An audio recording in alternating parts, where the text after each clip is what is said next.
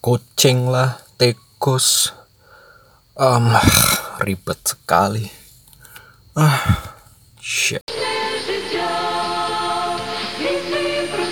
Alfa bicara podcast. Halo kamu semua. Ayam. Uh, terima kasih untuk kamu-kamu yang sudah mendengarkan edisi kemarin. Terima kasih juga untuk yang mengirimkan salam, salam, saran, kritik, dan apa saja di sosial media, di email, hmm, dan ini. Uh, mohon maaf karena kemarin hari Sabtu tidak ada episode yang naik karena sedang ada ada satu dan lain hal. Ya, apa kabar kamu? sedang apa? Oh, mungkin saya akan melanjutkan ini ya, melanjutkan podcastnya. Uh, regulernya mungkin jangan hari Sabtu atau gimana ya. Um, kayaknya di hari-hari yang hari-hari produktif kayaknya lebih bagus daripada hari Sabtu atau weekend. Mungkin hari Senin, Selasa, Rabu atau Kamis atau atau Jumat ya gitu deh. Ah ya, Hmm, ini temanya apa ya? Um, ya, itu uh, bodoh amat, bodoh amat. Um, ya kita hidup kadang selalu ada saja yang berkomentar, selalu ada aja yang memberi masukan, selalu ada aja yang tidak suka sama kita. Kita nggak bisa memaksakan hal itu, nggak bisa memaksakan hal itu terjadi. Dan nggak bisa memaksakan semua orang harus suka sama kita itu nggak bisa. Dan biasanya apa sih hal yang paling kamu nggak suka? Ya contohnya gini. Hmm, ya uh, saya lihat posisi ini posisi um, sudut satu dan sudut dua. Ya uh, sudut padang satu dan sudut padang dua. Ketika kita misalnya bermain sosmed lah update foto um, kita update uh, sedang ada di mana sedang berlibur di mana sedang dalam perjalanan di mana. Uh, pasti ada aja yang berpikir kalau kita itu cuma pamer-pamer aja. Cuma senang-senang aja padahal nggak tahu seperti itu. Dan ada yang berpikir oke okay lah emang emang apa yang diusahakan kita itu memang sudah pantas untuk mendapatkan apresiasi dan kita menikmati hidup seperti itu? Nggak apa-apa. Ada yang berpikir seperti itu tapi juga ya itu. Ada yang biasa aja ada yang senang-senang aja ada yang iri. Biasanya kamu ngapain di situ? Ya beberapa kawan-kawan saya sih kalau saya lihat di eh, di sosmed sosmed itu di story atau gimana ada yang langsung melabrak orangnya langsung misalnya nggak senang di terus dia ini sok tahu gitu terus komen e, apaan emang kamu? Gitu. Ada ada yang ada yang nggak tahu ada yang ya udah tahu tapi ya ya udahlah bodoh amat lah gitu seperti itu ya bagaimana lagi? Apalagi kamu yang usianya sudah memasuki di usia-usia kerja. Um, jangan usia kerja dulu deh mungkin usia di antara kamu ingin kerja. Antara ya 20 20 21 22 sampai ke 25 atau 26 seperti itu. E, ketika interaksi kita dengan kawan-kawan lama kita itu sudah sedikit berkurang biasanya kawan-kawan main kita sudah memiliki kesibukan-kesibukan yang lain. Kesibukan-kesibukan di luar biasanya biasanya kita ke mana-mana bareng mm, main bareng makan bareng hangout bareng gila-gilaan bareng susah bareng. Dan di satu titik semuanya ya intensitasnya berkurang. Bisa jadi karena kawan kita sudah kawan kita atau kita sudah bekerja di tempat yang lain atau di level yang lain. Bisa jadi kita atau kawan kita sudah menikah atau punya ini punya tanggungan keluarga tersendiri ya memang tidak bisa dipaksakan sih. Hmm, ya seperti itulah. Uh, ya saya cerita sedikit di usia ini. Teman-teman saya itu ya ber, berkurang dan bertambah sih. Uh, kawan-kawan yang lama sudah jumlahnya intensitas berkomunikasinya itu sudah jauh lebih berkurang. Karena apa ya karena kesibukan dan jarak itu. Saya sudah berpisah dengan kawan-kawan lama saya. Um, ini buat kamu yang belum tahu dan belum kenal saya dulu juga main band seperti itu. Dalam satu band itu ada dulu ada lima orang lima personil dan menyusut jadi dua terus tambah lagi jadi tiga terus tambah lagi jadi empat dan akhirnya um, mengikrarkan diri untuk tidak untuk off gitu ya mungkin tersirat tersirat tapi uh, ya karena pertemanan itu ya paling tidak di tidak dibilang puber tapi tidak pernah main lagi nggak pernah latihan lagi. Ya cuma buat bahan obrolan aja kalau reuni. Yang sering kali seperti itu. Ya dan apa tadi kok saya lupa? Ya itu. Karena sudah jaraknya sudah berbeda-beda ada yang ada yang di Pemalang ada yang di Tegal ada yang di Jogja ada yang di Semarang um, akhirnya tidak bisa ini tidak bisa seintens dulu dalam bermain dan ya memang harus ada sikap untuk mengerti ya bahwa ya, ya memang berteman atau berkawan, berhubungan, berkomunikasi itu tidak harus selalu bareng-bareng. Bisa dijalani juga dengan ini jarak jauh dan mengerti juga karena di usia-usia ini apalagi kawan-kawan saya itu sudah berkeluarga. Hmm, gimana? Ya tanggung jawabnya sudah sudah lebih besar. Apalagi yang sudah berkeluarga kan kawan-kawan saya kebanyakan laki-laki sudah jadi kepala keluarga dan saya mengerti kalau kepala keluarga itu sangat berat berat sekali bebannya banyak yang harus dipikirkan terutama dari pekerjaan. Ya nyari uang buat keluarga.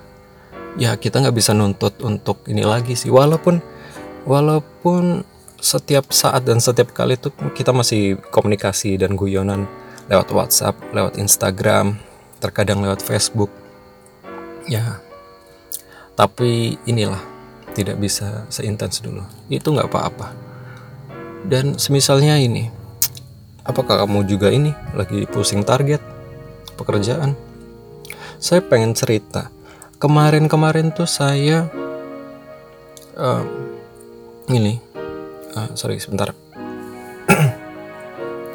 Kok uh, saya sering kali di ini di diajak cerita sama orang-orang tidak dikenal ketika di suatu tempat. Kemarin tuh kebetulan saya itu sedang di stasiun dan tiba-tiba ya karena masih agak pagi ya dan saya belum sarapan. Uh, melipir dulu sebentar deh di pinggir jalan sih cuma di pinggir jalan. Dan saya pesan kopi kopi ke ibu-ibu itu yang jualan itu ibu-ibu. Dan ya itu akhirnya kami bercerita. Yang mengawali ibu-ibunya itu ngomong dan lain-lain lain-lain ngomong panjang lebar tentang anak ke, suaminya keluarganya kehidupan ekonomi ya seperti itu. Dan yang paling saya sebel sih ketika ada ini penagih. Penagih. Penagih utang ya. Atau yang narikin setoran itu datang ya kira-kira umurnya mungkin saya atau di bawah. Sesaya atau di bawah saya seperti itu. Masih muda laki-laki datang nggak salam ber gitu langsung ya mau narik gini gini gini gini. Dan si ibu ini uh, mukanya jutek seperti itu. Mukanya judes langsung. Dan orang itu pergi. Nggak lama kemudian datang lagi.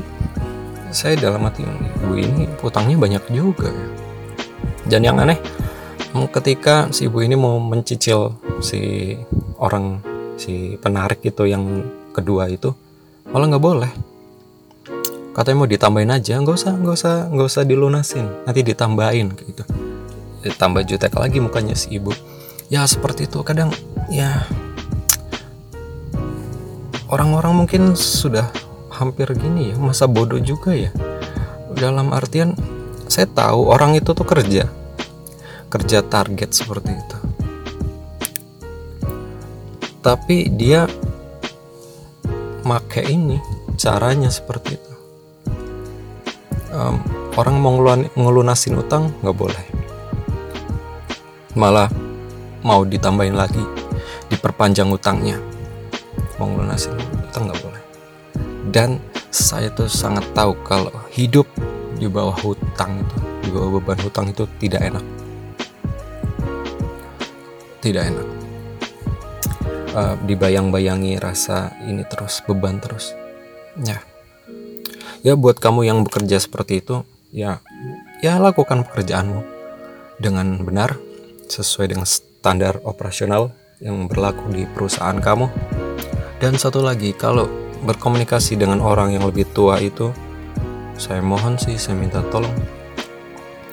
Oh, punya adabnya. Ya paling nggak salam. Saya sebandel-bandelnya jadi orang ya sama orang yang lebih tua walaupun ada orang yang lebih tua dan saya agak nggak seneng saya tetap tetap salam sih dan nggak berani ngomong macem-macem. Saya menganggap orang yang lebih tua di luar itu kalau saya aneh-aneh saya jadi kebayang sama orang tua saya sendiri. Gimana kalau orang tua saya yang digituin sama anak sama anak-anak orang gitu? Ya saya tahu sih beban pekerjaan seperti itu emang menguras pikiran dan terkadang bikin hati jadi keras seperti itu. Ya semangat buat kamu. Dan apalagi? Ya itulah. Uh, banyak sekali eh, komentar-komentar orang yang bisa jadi bikin kamu bikin kamu jadi sebel mood yang lagi naik dan baikir langsung tiba-tiba jadi down turun gara-gara di komen atau di istilahnya zaman sekarang itu dinyinyirin. Saya nggak suka sih pakai istilah itu. Kedengeran jelek aja dan diucapkan tuh nggak enak. Ya di dipergunjingkan ya digunjingin seperti itu. Ya gimana sih? Oh biasanya seperti apa? Hmm. ya kalau kalau saya sih ya lebih baik ambil pelajarannya aja dan menyadari diri sendiri.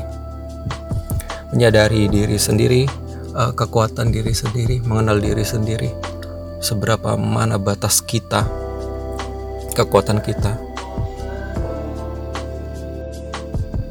Sorry keputus tadi.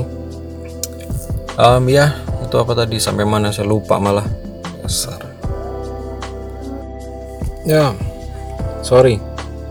Resiko rumah pinggir masjid ya seperti itulah. Kadang saya sebel tapi ya gimana ya? Nanti saya dipolisikan dikira nggak suka. Ah, ya repot lah.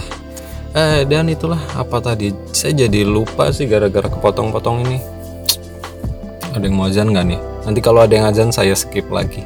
Saya pause dulu. Um, ya itu. Untuk bersikap masa bodoh. Kamu nggak harus dengerin orang lain sih orang lain pendapat orang lain ya sebagai masukan tapi jangan sampai yang buat kamu baper atau down seperti itu. Kalau kamu udah mulai baper dan down itu kamu harus nemu cara buat ningkatin lagi mood kamu buat mengerjakan sesuatu. Karena ini banget kamu harus lawan itu. Dan cara melawan dari stigma negatif orang adalah dengan membuktikan diri bahwa kamu bisa mencapai titik itu atau melawan anggapan bahwa kamu tidak mampu dari orang itu. Ya, seperti itu. Um, dan apalagi ya? Ya, um, ya mungkin ini masih banyak yang belum tahu ya soal podcast. Masih ada yang tanya ke saya itu kawan-kawan saya, kamu sharing apa sih?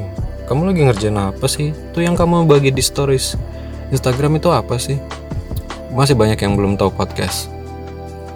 Dan podcast itu adalah ya mirip-mirip gini deh. Saya sering sering mengumpat makannya menyebutnya ah, mirip-mirip radio lah seperti itulah kayak gitu kalau mereka tanya. Um, podcast itu diambil dari um, dua kata yang digabungin iPod dan broadcasting. Broadcast atau broadcasting ya. Ya pokoknya itu tadinya adalah siaran audio yang di apa ya dipelopori mungkin eh bukan diprakarsai seperti itu. Oleh Apple. Oleh Apple. Lewat iPod seperti itu. Lalu karena berkembang dan menyebar jadi di setiap platform ada jadinya dinamakan podcast.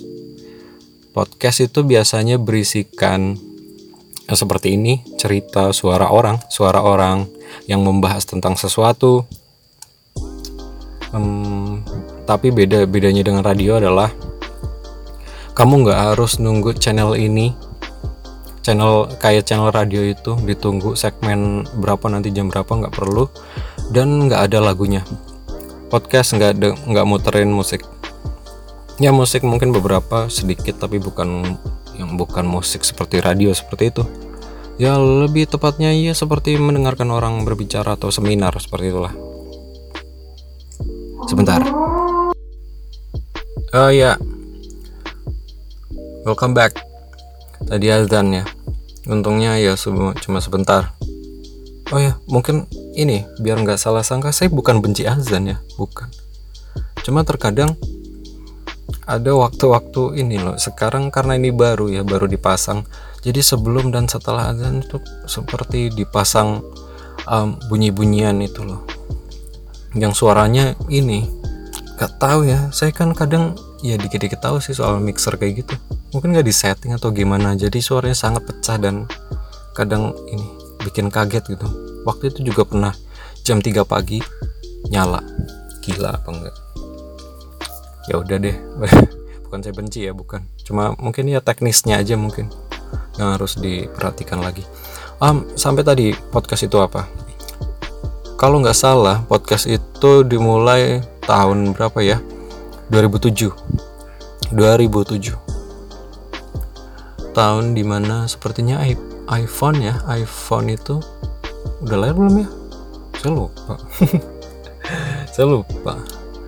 Um, dan ya biasanya diisi dengan orang-orang berbagi cerita motivasi ilmu dan kamu bisa mendengarnya di mana aja sekarang tidak hanya di iTunes, tidak hanya di Apple Podcast, sekarang ada Google Podcast, ada Anchor, di Spotify juga ada, di SoundCloud juga ada, di Stitcher ada, Deezer ada nggak ya?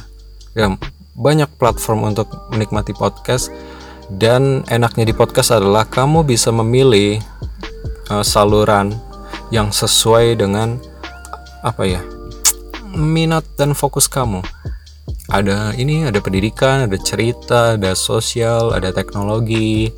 Banyak. Kau bisa memilih segmen itu lalu muncul deh podcast podcast channel channel saluran yang beragam dan banyak. Kau bisa pilih salah satu. Dan enaknya di podcast adalah kamu bisa mengerjakan sesuatu sambil mendengarkan podcast.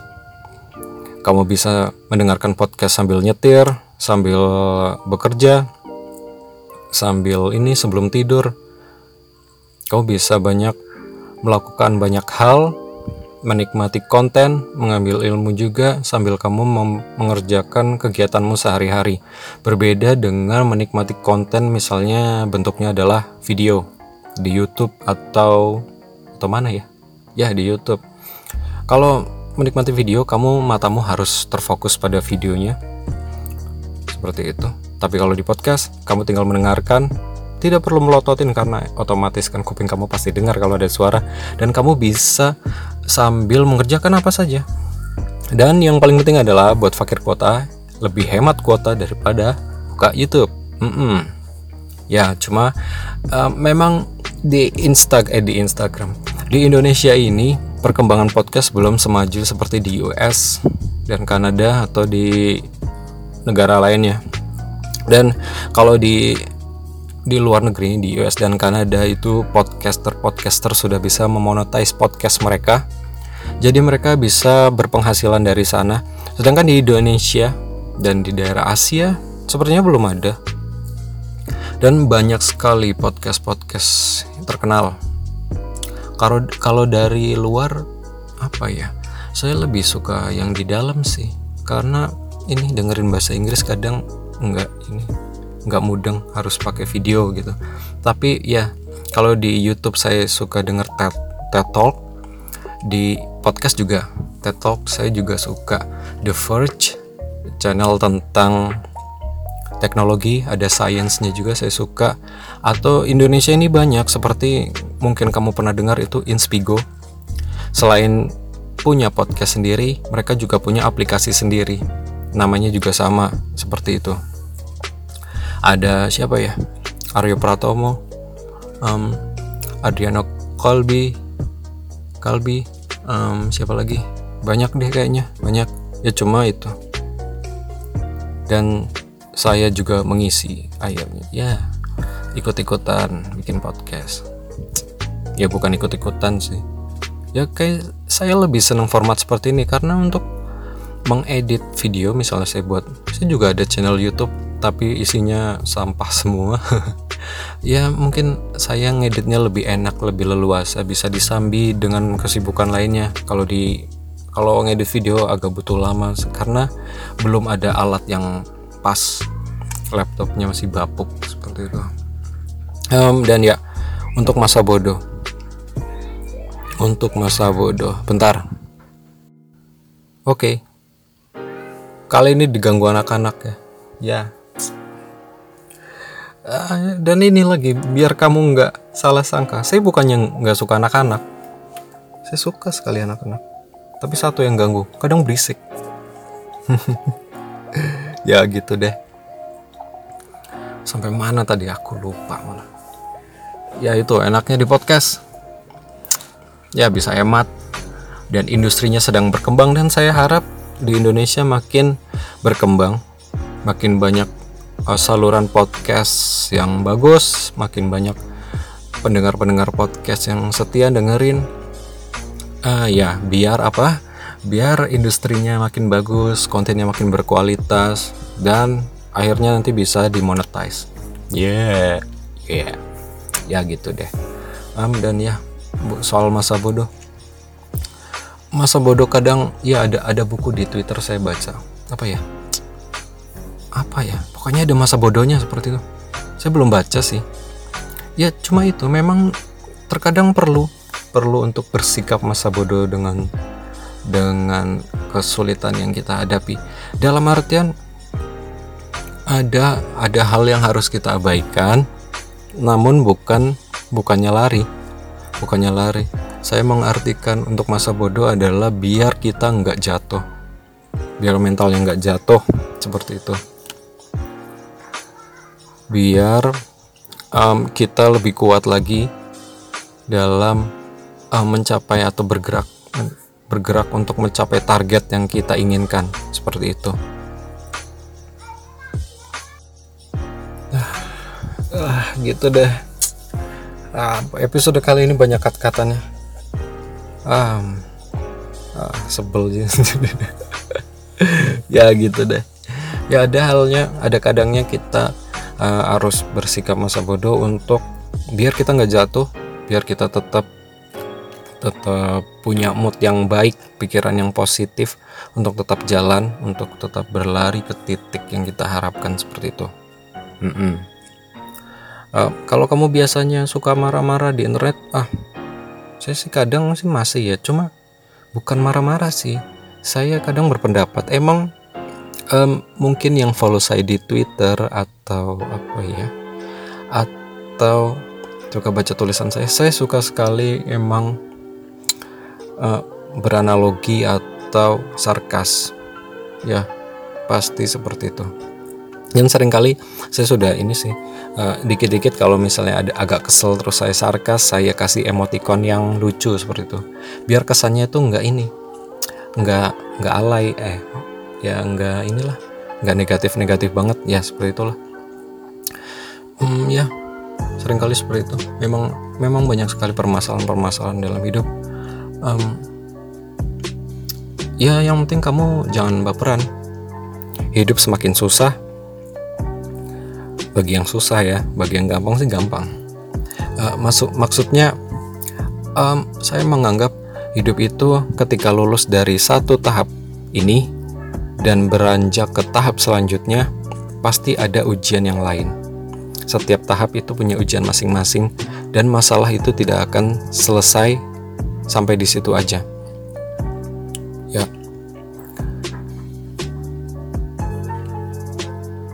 Dan itulah um, setiap masalah selama hidup pasti punya masalah. Dan kalau kita lari, masalah itu akan bertambah. Masalah itu harus diselesaikan. Um, cuma emang terkadang ada um, step-stepnya seperti itu. Ada masa-masanya kita lesu, ada masa-masanya kita naik.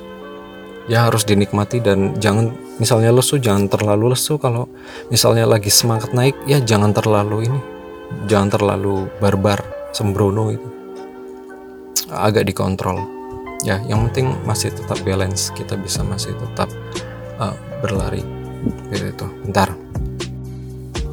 Um, ya? Benar-benar minta maaf sih karena banyak sekali gangguan. Um, ya. Mungkin buat kawan-kawan yang berpikir saya ingin membuat konten seperti Inspigo seperti itu yang sangat rapi saya bukan ngarah ke sana sih. Saya nggak mengarah ke sana. Saya cuma pengen bikin yang ini yang seperti teman kamu lagi ngobrol sama kamu seperti itu yang santai dan kadang berantakan. Mm nggak yang seperti seminar atau itu acara di radio. Saya nggak mau terlalu formal. Nanti bosan soalnya yang dengerin saya bukan orang tua. Ya dan gitulah. Ya kamu harus memperkuat diri kamu sendiri. Walaupun kadang susah. Dan tips olahraga makan makanan sehat. Dan ini saya mau cerita satu hal. Sebagai penyintas depresi ya saya juga agak sedikit ini punya masalah itu dari lama. Memang agak berat dan nggak semudah itu untuk membangunkan atau membangkitkan semangat seorang yang kena penyakit seperti itu. Um, nasihat-nasihat ayo bangun ayo bangkit ayo kamu bisa masa kayak gitu aja lemah itu nggak akan membantu sama sekali itu malah akan membuat ia semakin jatuh makin dia merasa nggak berguna malah. Dan hati-hati, bisa jadi ucapan-ucapan itulah yang buat motivasi untuk mati atau bunuh diri dia itu naik.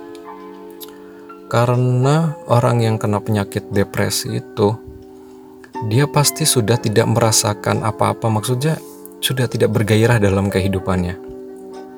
Karena karena faktor lain-lain ya, karena faktor keluarganya mungkin atau apa seperti itu. Jadi ya tidak semudah itu untuk menasehati orang depresi. Ya, saya tahu uh, kita dari latar belakang yang beda-beda. Dari um, background keluarga yang beda, orang tua yang beda, um, apa ya, strata ekonomi yang beda. Pokoknya kehidupan kita tuh beda-beda. Jadi ketika ada masalah, walaupun itu masalahnya mungkin sama, judulnya sama, tapi treatment untuk penyembuhan atau memperlakukan ke orang itu berbeda. Ya mungkin kayak gini, ada yang bilang, ya mungkin niatnya baik tapi caranya salah. Ya bisa jadi seperti itu. Banyak sekali niat-niat baik di luar sana dengan menggunakan cara yang kurang tepat dan akhirnya hasilnya tidak sesuai apa yang diharapkan. Ya, kamu harus hati-hati dan harus lebih jeli dan sensitif ketika melihat kawan atau keluargamu yang punya kecenderungan yang ya mungkin kalau dilihat agak aneh, pemurung atau pendiam atau meng, suka menghindari kerumunan atau keramaian seperti itu. Kamu ya bukan mereka itu karena tertutup dan tidak percaya bahwa uh, tidak percaya kepada orang lain sehingga mereka itu tidak mau berbagi cerita, berbagi keluh kesah pada orang lain akhirnya dipendam sendiri dan sewaktu-waktu meledak sendiri. Ya, dan terutama yang menakutkan adalah ketika mereka itu sudah sangat jenuh dengan kehidupan dan ingin bunuh diri.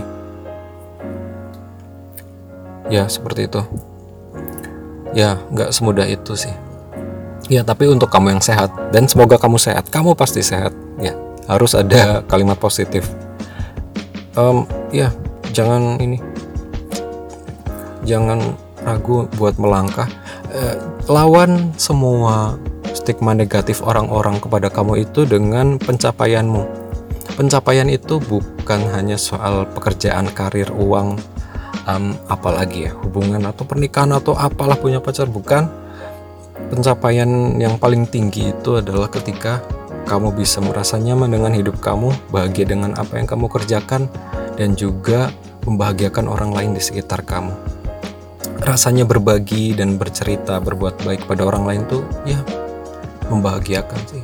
Ini bukan ria, ini bukan ria.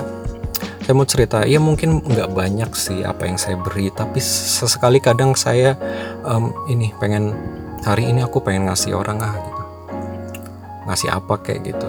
Dan ya dan saya kasih ke orang itu saya yang ngasih saya yang yang mengeluarkan dana saya yang mengeluarkan sumber daya saya yang seharusnya kehilangan ya kehilangan beberapa uang seperti itu.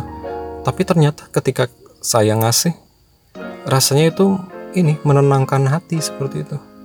Berbagi itu malah jadi menenangkan, menenangkan jiwa senang rasanya melihat orang yang kita bagi itu juga senang terutama anak-anak itu ketika dikasih um, misalnya berbagi cerita. Saya dulu pernah um, mendongeng di tempat pengajian yang isinya anak-anak kecil tuh. Saya anggap mereka itu adik-adik adik-adik saya yang mau tidur seperti itu. Lalu sini kumpul-kumpul kumpul.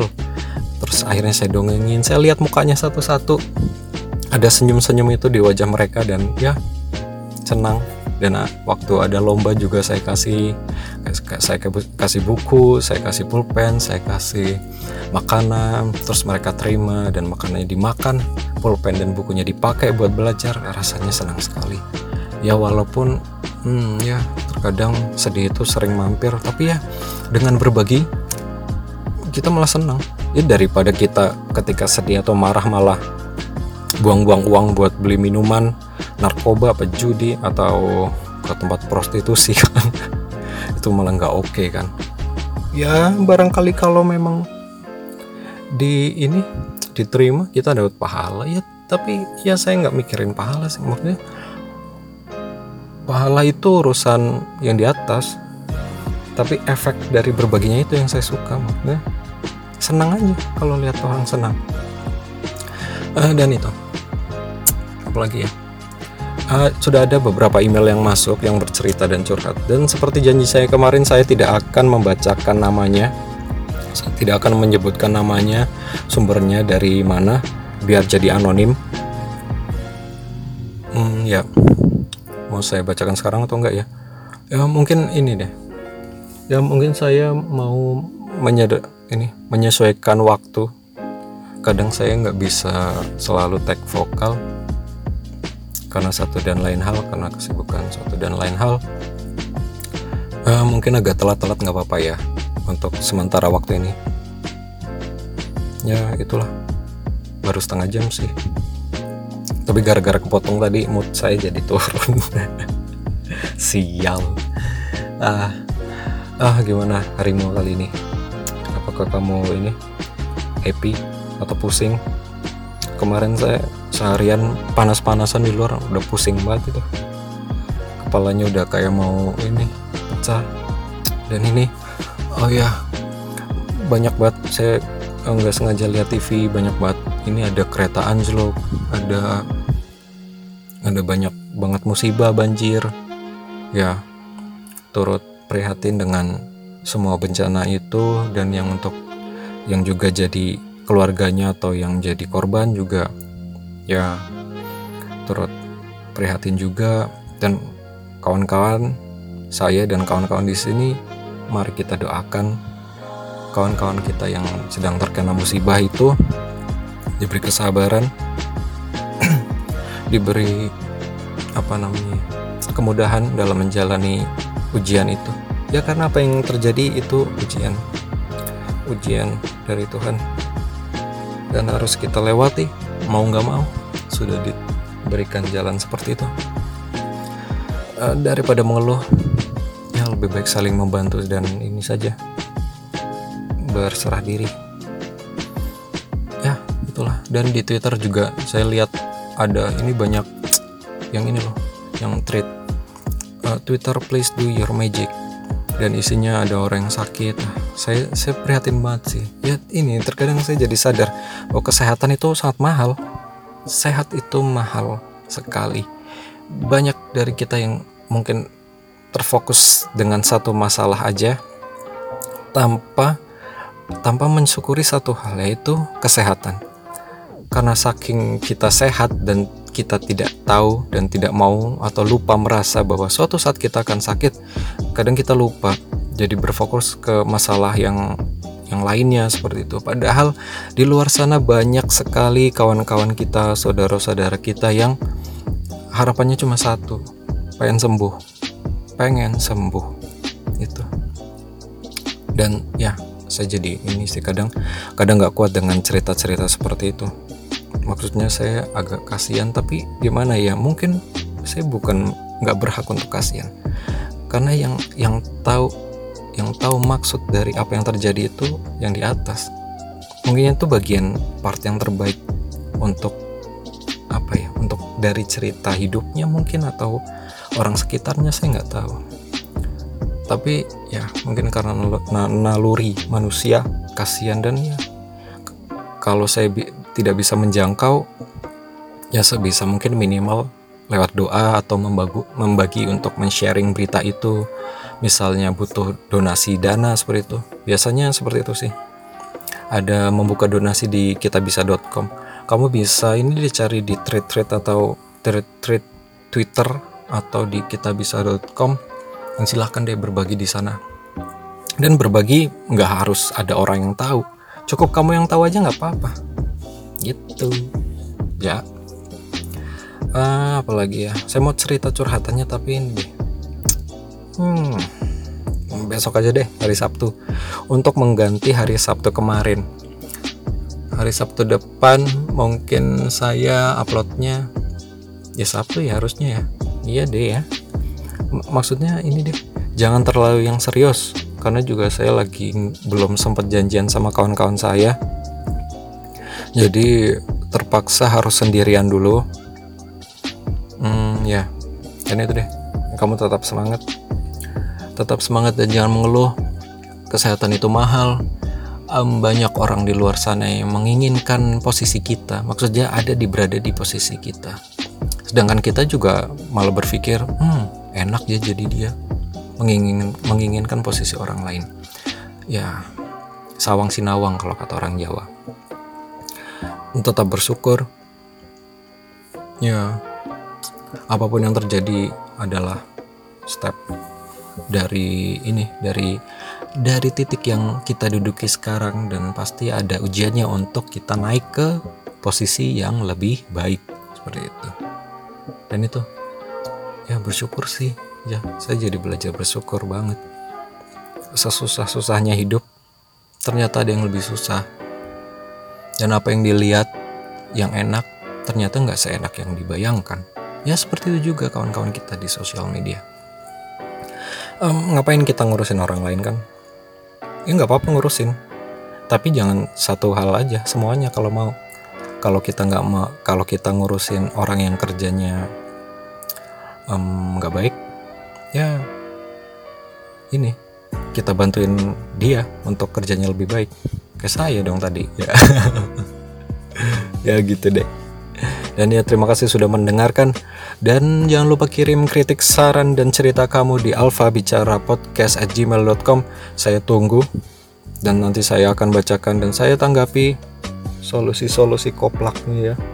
Dan ya silahkan follow Instagram, Twitter, dan halaman Facebooknya di Alfa Bicara Podcast. Dan jangan lupa makan tar mati apa ya hmm, ya udah deh gitu deh.